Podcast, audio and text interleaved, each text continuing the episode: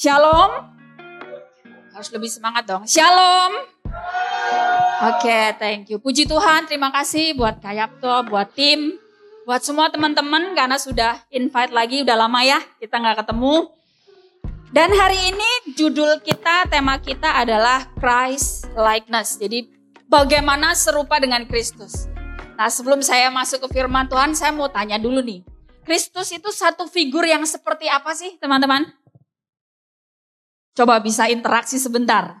Menurut teman-teman, Kristus itu figur yang seperti apa? Karakter apa yang kita perlu teladani dari seorang Yesus?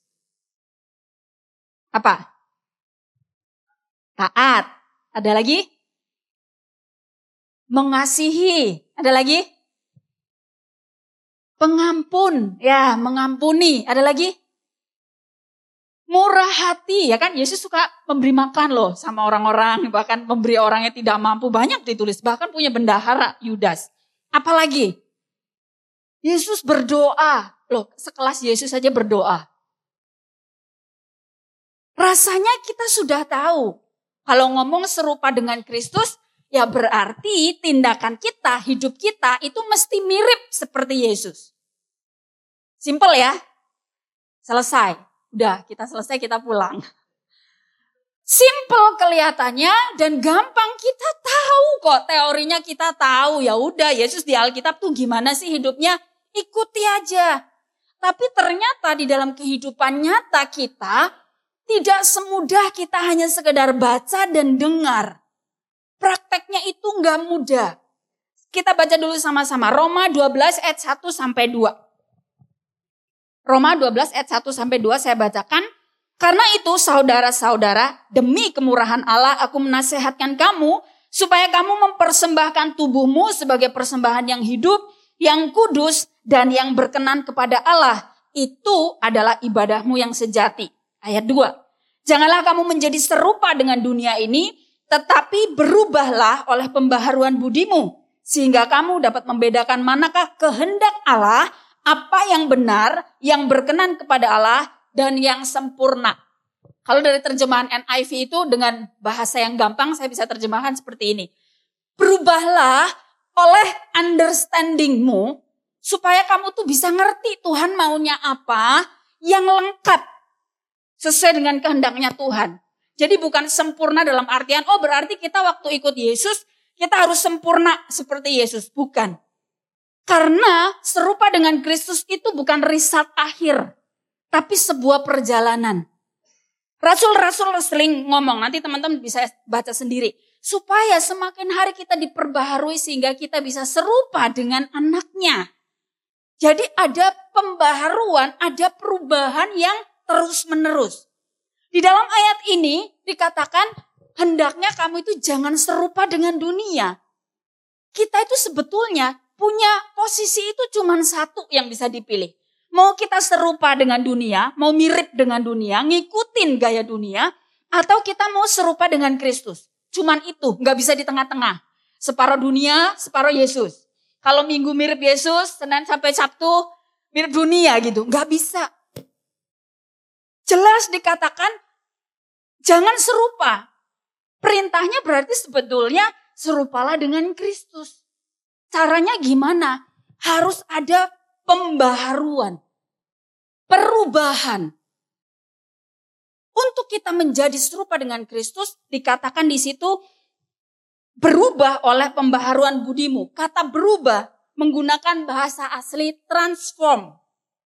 Transformasi itu bukan uh, kalau misalnya bunglon itu berubah hanya mengikuti situasi ya. Dia akan berubah warna mengikuti tempat. Supaya apa? Itu untuk safety place-nya dia, supaya dia nggak danger. Tapi kalau transformasi itu bukan seperti bunglon. Transformasi artinya perubahan bentuk dan karakter. Contoh, dari ulet ke kupu-kupu. Waktu ulet ya ada di tanah, ya, ya ada di sampah, sembarang makanannya ya nggak jelas. Tapi waktu dia bertransformasi menjadi kupu-kupu, dia indah, dia terbang, makanannya nektar, semuanya jadi berubah. Nah, transformasi inilah yang perlu kita usahakan setiap hari. untuk kita menjadi serupa Kristus. Hari ini saya tidak bahas, oh Yesus itu kasih, berarti kita mengasihi. Oh Yesus itu taat, oh Yesus itu disiplin. Kita sudah tahu soalnya. Saya jamin Anda semua sudah paham karena Anda baca Alkitab, Anda rajin ibadah, berarti secara teorinya sudah tahu.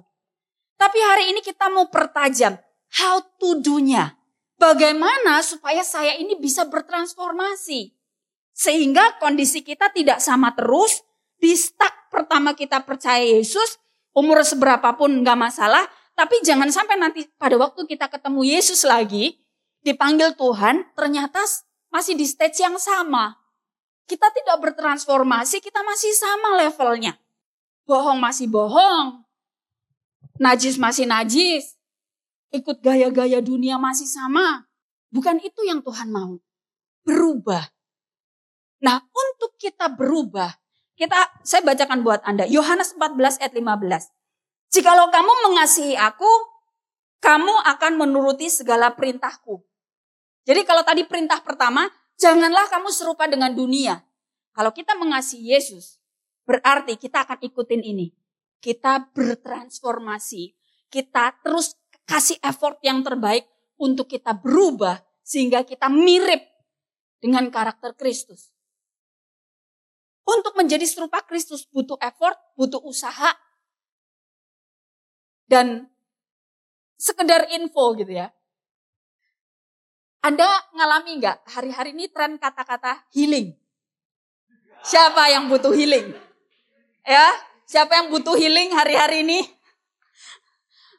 Ya, kita menggunakan kata healing. Dan dunia sedang mendeskripsikan healing as a feeling. Ya kan, waktu kita holiday, staycation, jalan-jalan gitu, kepik pancoran tuh yang baru gitu ya. Saya nggak healing, pulang dari sana saya pusing. Kita kalau misalnya perhatikan ya, Iblis itu sedang menggunakan tren, sedang menggunakan apa yang sedang boom hari-hari ini. Dah, kalau kita nggak strong dalam transformasi keserupaan dengan Kristus, kita jadi serupa dengan itu. Padahal Alkitab jelas berkata, kalau mau healing ngapain?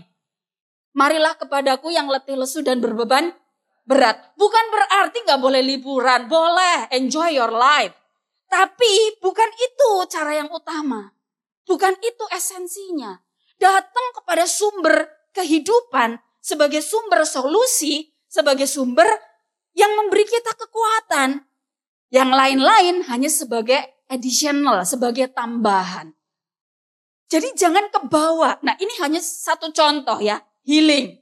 Ya, semoga setelah ini Anda dengar khotbah terus Anda enggak, saya mau healing gara-gara dengar khotbahnya Keisha gitu ya. Jangan serupa dengan dunia. Masalahnya Waktu kita mau serupa, mirip Kristus. Kristus ini nggak kelihatan mata soalnya kan. Gimana nih saya cara nirunya? Kalau menurut Alkitab itu karakter. Tapi contoh nyatanya gimana?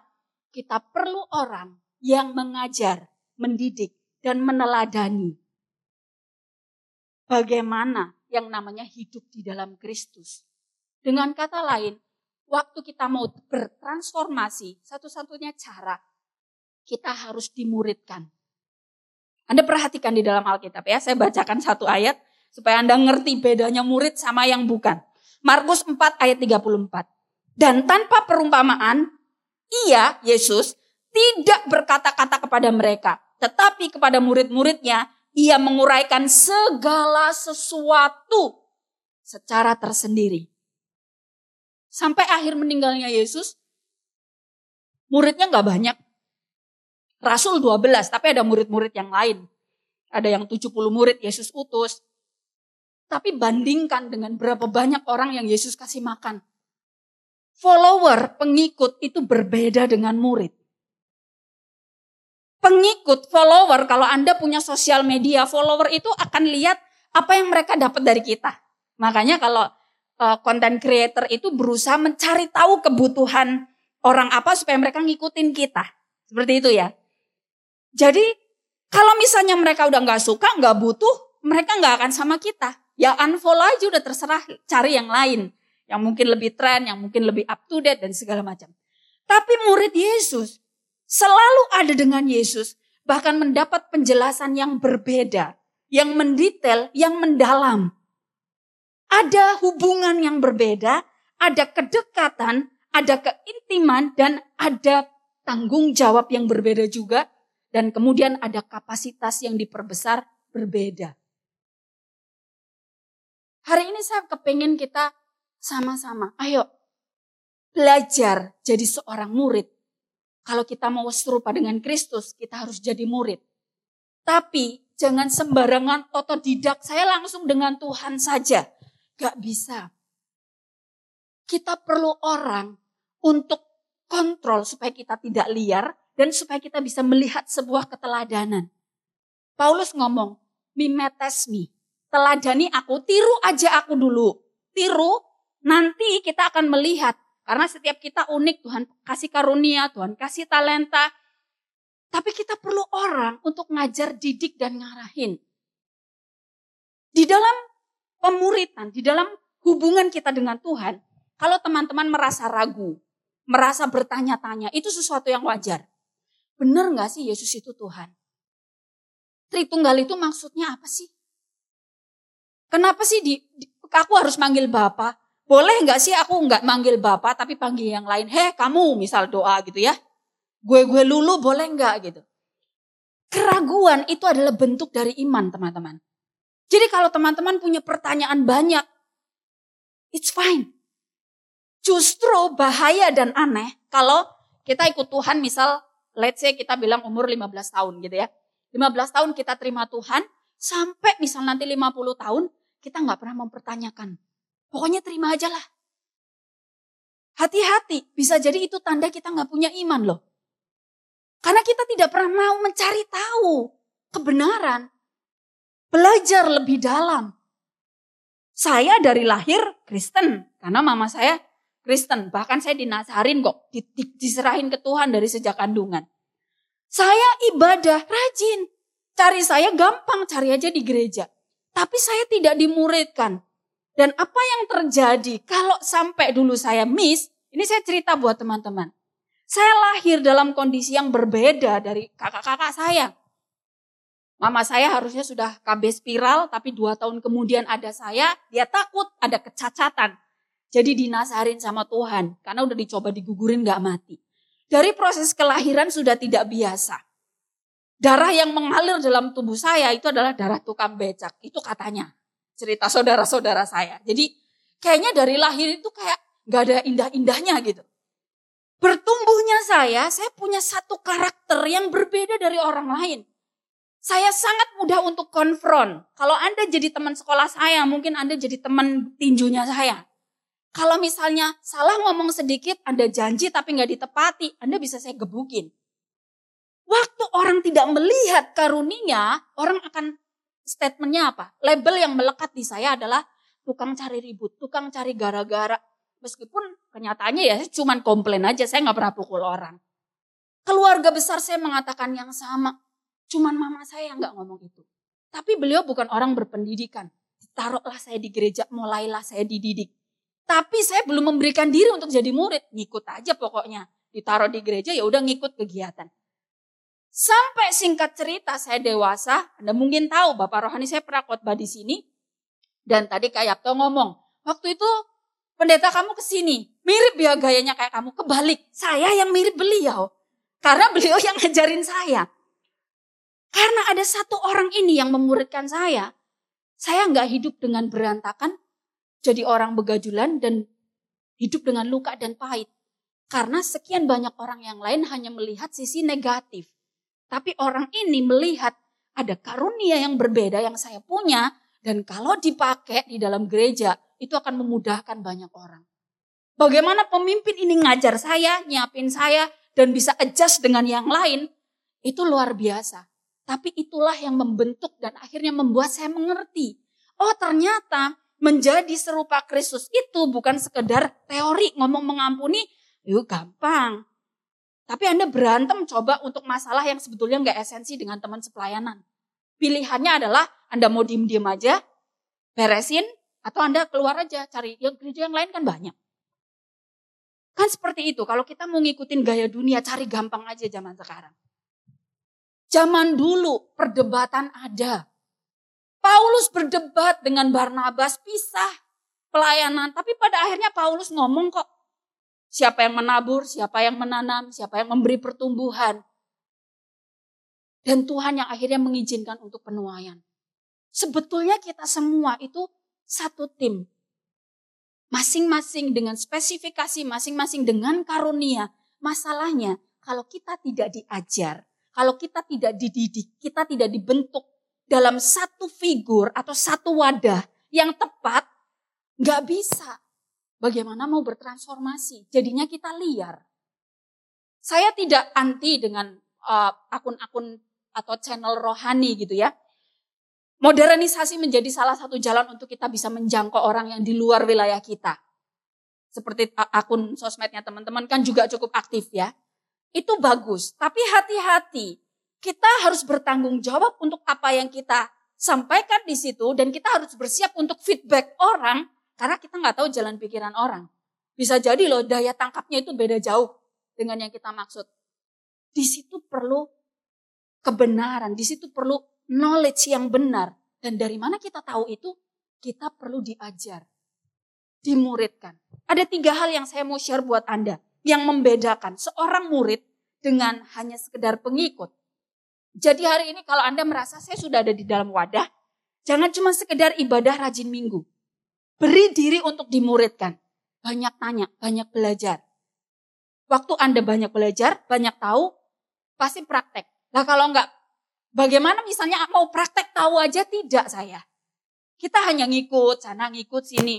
Dan kita nggak bisa jadi orang yang nomaden. Gereja sama saja, yang penting Kristus. Betul gerejanya, yang penting Yesusnya betul. Tapi untuk pertumbuhan Anda nggak bisa cabut pasang-cabut pasang. Mati. Harus tertanam. Kalau yang lain Anda mau uh, apa dapat tambahan dari tempat lain untuk belajar, untuk memperlengkapi itu bagus. Tapi Anda harus memberi diri di dalam satu tempat, satu naungan, satu payung. Untuk kita bisa diajar dan dididik. Hal pertama yang saya mau bagikan buat Anda. Murid itu dididik secara bertahap. Kalau Anda pernah sekolah, saya dulu dari TK, belajarnya cuma nyanyi. ya Sama sopan santun sama teman-teman. Waktu SD mulai baca, mulai hitung satu tambah satu. SMA beda lagi, kimia. Umat saya. Gak mungkin waktu kita SD kita diajar aljabar yang rumit, yang sinkos tangen gitu kan. Pingsan kalau kita SD dikasih seperti itu. Sama, waktu di dalam Tuhan, stat orang ini kan berbeda-beda. Ada yang terima Tuhan dari kecil. Memang benar-benar di jamaah Tuhan. Tapi ada yang dari startnya umur 30, 40, 50. Kan akan berbeda ini treatnya. Yang kita pelajari berbeda waktu kita start terima Tuhan. Jiwa baru nggak usah diajari akhir zaman. Takut nanti pusing. Ada kuda ijo kan, ada naga, ya pusing lah. Kita belajar kasih jaminan keselamatan.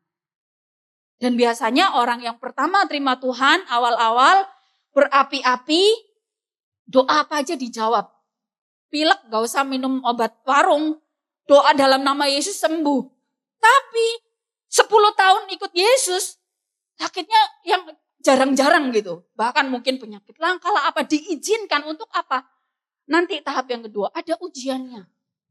Tapi waktu kita ada di dalam satu payung, kita akan dididik sesuai dengan stage. Jadi nggak global, nggak sama rata. Kalau ibadah umum itu kan global ya. Saya ngomong ini kan ke semuanya, tapi kan nggak ngerti saya starting point Anda ikut Tuhan sebetulnya dari mana. Ini umum. Nah kalau Anda mau spesifik, Anda kan belajar. Punya pemimpin di sini, ada gembala, belajar dong. Saya belum tahu nih tentang Tritunggal secara matang, belajar sampai Anda paham. Waktu kita belajar, kita paham, kita mengerti, kita akan dengan mudah menghidupi. Waktu kita berumah tangga, kita akan hidupi, kita akan ajarin passing on ke keturunan, di luar akan berdampak. Kenapa banyak generasi makin turun makin rusak? Karena tidak dimuridkan, tidak tahu apa-apa, tidak menghidupi. Waktu tidak menghidupi, menikah dengan sama-sama orang yang tidak dimuridkan, tidak menghidupi apa-apa. Generasi ke generasi ke generasi passing onnya kerusakan. Padahal rancangan Tuhan buat kita itu ajaib dan luar biasa. Jadi ayo belajar, ngerti. Yang namanya murid itu berbeda.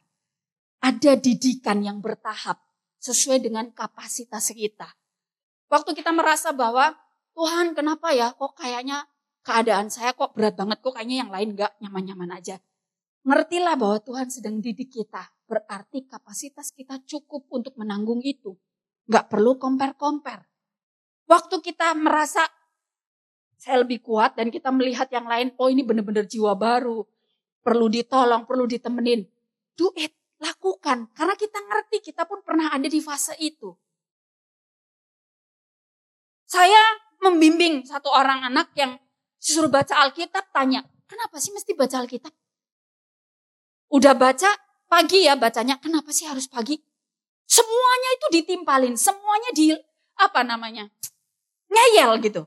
Saya bilang, kalau mau jadi murid, belajar OP. Nah, ini yang akan kita menjadi bahan ujian kita di dalam hidup. Kita ngomong kita tahu Tuhan, kita cinta Tuhan, kita taat Tuhan, kelihatan bagaimana ketaatan kita dengan pemimpin yang mengajar kita, yang memuridkan kita. Baca Alkitab, kita nggak taat, kita ngomel aja terus. Bagaimana kita bilang kita taat sama Tuhan? Kalau sama yang pemimpin aja kita nggak bisa taat. Kan sebetulnya nggak perlu dipertanyakan kalau misalnya baca Alkitab. Kenapa saya perlu baca Alkitab? Itu pertanyaan yang tidak perlu dijawab. Ya kita butuh Tuhan. Baca. Sida-sida aja baca meskipun nggak ngerti ya. Ini sida-sida pejabat sibuk punya kehormatan di kereta waktu senggang baca. Kita waktu senggang healing. Healing lagi. ya kan? Jadi ada hal-hal yang kita bisa teruji waktu kita di dalam pemuritan. Satu, kita akan dididik tadi secara bertahap. Yang kedua, kita akan dipersiapkan untuk menghadapi ujian. Kalau teman-teman pernah baca perumpamaan, ada orang yang membangun di atas batu dan pasir, ya, lalu banjir datang. Artinya apa? Mau orang percaya Yesus, nggak percaya Yesus, ujian itu datang. Bukti aja, pandemi COVID, mau orang percaya Yesus, nggak percaya Yesus, kita semua kena dampak. Itu bukti ujian. Tapi yang membedakan ini, ketahanannya. Waktu kita dimuridkan tidak sekedar ngikut, tidak sekedar percaya Yesus itu baik, tapi kita dimuridkan ada satu kekuatan yang berbeda. Sehingga semakin ditempa, kita semakin strong. Ujian itu pasti datang. Teman-teman pertama ikut Yesus, coba evaluasi ke belakang. Tadi kan kita sudah nyanyi. Yesus itu nggak pernah terlambat, selalu tepat waktu. Betul, Sampai dengan hari ini saya dan suami mengalami itu dan kita sering kali suka ngobrol dan emes. Benar-benar ya, berkat itu betul bukan dari hasil kerja keras. Bukan nggak boleh kerja, kita kerja, tapi jangan andalkan kerja keras kita untuk kita berharap kita hasilkan sesuatu yang besar. Bukan. Kalau bukan Tuhan, itu nggak mungkin. Teman-teman kalau misalnya jualan gitu ya atau bisnis, dari mana sih kok orang bisa datang dan tanya, Pernah nggak ngalamin? Kita nggak promote, ya, kita nggak kayak apa, pakai digital strategi dan segala macam. Tapi kok ada orang yang cari kita? Saya tahu dari ini, saya tahu dikasih tahu dari si ini. Saya pernah baca di sini. Dan akhirnya mereka terkonek dengan kita. Kalau bukan Tuhan, nggak mungkin. Dan waktu kita punya pemimpin yang memuridkan, di situ menjadi bahan ujian kita juga waktu kita ditempa di dalam hidup oleh Tuhan, entah secara finansial, entah relationship dan segala macam, waktu kita punya pemimpin, kita punya tempat untuk kita bisa berlindung, bertanya, dan ditemani, didoakan. Anda tidak akan dapatkan itu dengan Anda follow akun-akun rohani. Saya punya follower banyak.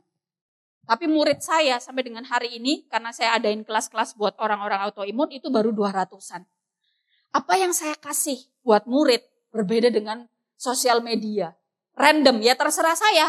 Idenya apa, yang muncul apa, ya kan lagi kepikiran apa, saya bikin. Tapi yang murid tidak. Saya konsep, saya desain, saya develop terus-menerus. Bahkan mereka yang sudah ikut kelas dari tahun lalu, saya updatein terus apa yang saya belajar. Saya dari belajar dari Harvard, dari Stanford. Setiap ada update saya kasih tahu mereka. Free. Karena apa? Mereka pernah jadi murid saya. Waktu ada hal-hal yang mereka down, mereka mengalami sesuatu yang nggak oke, nggak ada tempat tanya, mereka bisa ke saya tanya. Dan saya akan cari cara untuk menolong mereka. Itu yang membedakan. Waktu kita jadi murid, dengan didikan, dengan arahan, dan kita ikuti, itu adalah satu persiapan untuk kita menghadapi ujian. Ujian pasti datang, tapi fondasi kekuatannya dibedakan dari apakah kita strong, mau dimuridin, mau dididik, atau tidak. Itu yang kedua. Lalu yang ketiga, seorang murid itu kenapa sih dididik, kenapa sih diajarin, kenapa dimuridin? Karena amanat agung apa? Jadikanlah semua bangsa murid, kan? Bukan jadikan semua bangsa pengikutku saja. Tidak. Bagaimana kita bisa muridkan orang? Itu amanat agung yang perlu kita lakukan kalau kitanya nggak dimuridin. Kita ngomong, ayo taat sama Tuhan. Kita aja nggak punya pemimpin, kita nggak pernah taat sama siapa-siapa. Kita ditegur, kita marah-marah. Tapi kalau kita punya pemimpin, kita ditegur, kita ngerti, oh kita salah, saya sorry, saya benerin. Mau didisiplin, mau apa, ayo silahkan. Benerin lagi, update lagi. Maka apa? Kapasitas kita akan diperbesar. Pemimpin yang benar di dalam Tuhan pasti mendidik dan mempersiapkan kita supaya kita bisa keluar untuk menjadi dampak. Bukan supaya kita jadi budaknya mereka. Tidak, nggak ada yang seperti itu. Kita kan pasti ngerti, orang dewasa ngerti ciri-cirinya. Kalau pemimpin ngajar, didik, ajar kita, tegur kita, artinya mereka peduli. Lalu bagaimana respon kita? Petrus itu waktu awal ikut Yesus menggebu-gebu. Saya nggak bakal tinggalin Yesus. Tapi waktu Yesus didatengin gerombolan Yudas dan orang-orang Farisi, apa yang dia lakukan? Dia menyangkal Yesus sampai tiga kali. Ditanya orang ini bareng sama Yesus. Enggak, enggak, aku enggak kenal. Sebagai murid Yesus bukan berarti kita langsung jadi sempurna. Ingat, serupa dengan Kristus itu bukan result. Tapi sebuah perjalanan yang panjang. Petrus juga pernah salah. Petrus juga pernah jatuh. Daud apalagi, dirancang malah. Dia berzina, dia membunuh. Dengan sengaja malah. Tapi kan bukan berarti selamanya seperti itu. Waktu ada perubahan, waktu ada pertobatan, sesuatu yang terjadi, switchnya nggak main-main. Petrus, waktu dia berkhotbah, ini setelah Yesus diangkat ke surga. Petrus khotbah 3000 orang. Saya kalau baca kisah Petrus ini, saya kadang hitung pakai 3000 itu seberapa banyak ya? Saya pernah khotbah paling banyak itu waktu itu 800 yang saya khotbah. Kalau saya pelayanan dengan pastor saya pernah di Jatim Park itu gede, itu ribuan. Tapi saya membayangkan Petrus zaman dulu khotbah pakai apa sampai 3000 orang bisa tobat. Saya bisa pakai mic, dia pakai apa dulu? Kadang saya emes luar biasa. Tapi ini adalah salah satu produk pemuritan It's okay startnya mungkin dia penjala ikan, ya kan? Penjala ikan, gak percayaan lagi sama Yesus. Tapi keselihatannya menggebu-gebu gitu. Anda bayangin, tidak ada kesempurnaan sebagai manusia. Tapi waktu kita mau terus diperbaharui, diperbaharui, ada kapasitas yang diperbesar. Apakah enak? Enggak. Saya nggak ngomong upah, saya nggak ngomong yang enak-enak. Karena saya yakin Anda tahu, ikut Yesus itu tidak seenak itu. Ada banyak hambatan, ada banyak tantangan, apalagi mau tidak menjadi serupa dengan dunia itu berarti nggak enak. Karena kita nggak bisa selamanya ngikutin tren. Kita tetap harus filter, kita tetap harus pilih-pilih. Alkitab mengajar kita, selengkap senjata Allah ada enam. Bayangin dikasih enam senjata, berarti kehidupan kita di dunia ini sebuah peperangan yang bukan guyonan, bukan mainan. Karena senjatanya dikasih enam. Iblis mengincar kita itu lewat tiga area. Ini gambaran dari Yesus ya waktu dicobai di padang gurun. Pertama, physical needs, tentang keuangan. Yang kedua, itu tentang fame and glory. Pride-nya. Kita perlu mengerti area mana yang kira-kira itu menjadi celah. Kalau kita tidak dimuridkan, kita tidak punya tempat bertanya, tidak punya tempat berdiskusi, kita juga tidak dilit untuk, oh kamu loh harus seperti ini, kamu harus jalannya seperti ini. Kita akhirnya goyang-goyang gak karuan, liar. Kita hanya mengambil satu konsep yang menurut kita benar, tapi ternyata itu bukan sebuah kebenaran. Hati-hati. Saya bersyukur di tempat ini, pemimpin Anda di tempat ini dengan hati-hati memilih siapa orang yang boleh share firman di sini. Karena tidak semua orang yang terkenal di zaman era sosmed kali ini, di zamannya kita, itu adalah orang-orang yang dimuridkan. Mereka orang yang hatinya baik, mau pelayanan sama Tuhan, mau sharing firman Tuhan. Tapi masalahnya, real life-nya, kita nggak bisa punya alat uji. Orang-orang ini tidak dimuridkan. Makanya screening pertama, kalau misalnya mau invite orang tanya, dimuridkan oleh siapa? Tidak harus dalam bentuk gereja, tidak harus karena gereja itu kan sebuah bangunan ya sebetulnya dan nggak semua orang beruntung kelompok yang mungkin bisa kayak teman-teman di sini ada gereja, ada di gedung yang bagus. Mungkin mereka baru sel yang kecil mungkin, tapi ada penanggung jawabnya siapa? Jadi kalau ngomongnya ngawur, Anda bisa komplain. Supaya apa? Dibenerin. Kan tujuannya itu, supaya kita saling untuk melengkapi. Bukan nyalah-nyalahin, bukan ngejudge. Tapi untuk kita, oh supaya ini lebih baik lagi. Itu caranya. Nah, hari-hari ini dengan apa yang dunia tawarkan. Dan iblis numpang di situ, kita perlu waspada. Alkitab mengajar, jangan kamu serupa dengan dunia ini, tapi berubah, transform dan untuk kita transform, kita perlu ada orang yang ngajar, yang mendidik, mempersiapkan. Hari ini saya kepengen kita, yuk beri diri untuk dimuridkan. Jangan cuma sekedar pengikut. Seminggu sekali cukuplah atau tambah yud ya dua kali deh seminggu umum. Jangan. Kita punya hikmat, kita dikasih benda kecil di dalam kepala yang luar biasa hebat. Pakai effort, tanya, Jangan sampai seperti Yesus ngomong, kamu menyebut aku Tuhan, Tuhan. Adonai, Adonai. Tapi kamu gak percaya kepadaku. Jangan sampai kita nyanyi, kita lompat-lompat, kita keringetan, kita dengar firman juga excited. Tapi waktu keluar dari gereja, kita gak lakukan apa pun. Tuhan punya sistem. Tuhan punya konsep. Waktu kita masuk ke dalam blueprintnya Tuhan, Caranya seperti ini. Waktu kita mau memuridkan orang, dan Tuhan mau kita lakukan itu, kita jadi dampak. Untuk itulah kita ditebus dan diselamatkan. Darahnya mahal, penebusannya mahal, bukan untuk nganggur-ngangguran. Amin. Dan untuk kita kerja, untuk kita memuridkan orang itu kan kita perlu meneladani sesuatu ke mereka. Kadang kita bahkan sama orang nggak perlu banyak ngomong kok. Kita kasih contoh. Dan mereka lihat. Yuk, berhenti. Cuman sekedar ikut. Cuman sekedar rutinitas. Stop. Dunia sedang butuh anak-anak Tuhan yang hidup dalam kebenaran. Yuk, muridkan beri diri untuk kita dimuridkan sambil kita juga memuridkan orang lain. Bukan berarti kita harus perfect baru kita bisa muridin orang. Tidak. Karena serupa dengan Kristus adalah sebuah perjalanan. Tuhan bahkan gak cari kesempurnaan kita kok. Tapi Tuhan mau hati kita. Amin. Saya berdoa hari ini.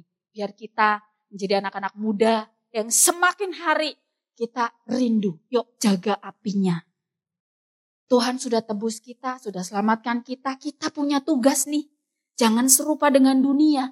Serupa dengan Kristus. Supaya kita bisa menjadi berkat buat lebih banyak lagi orang.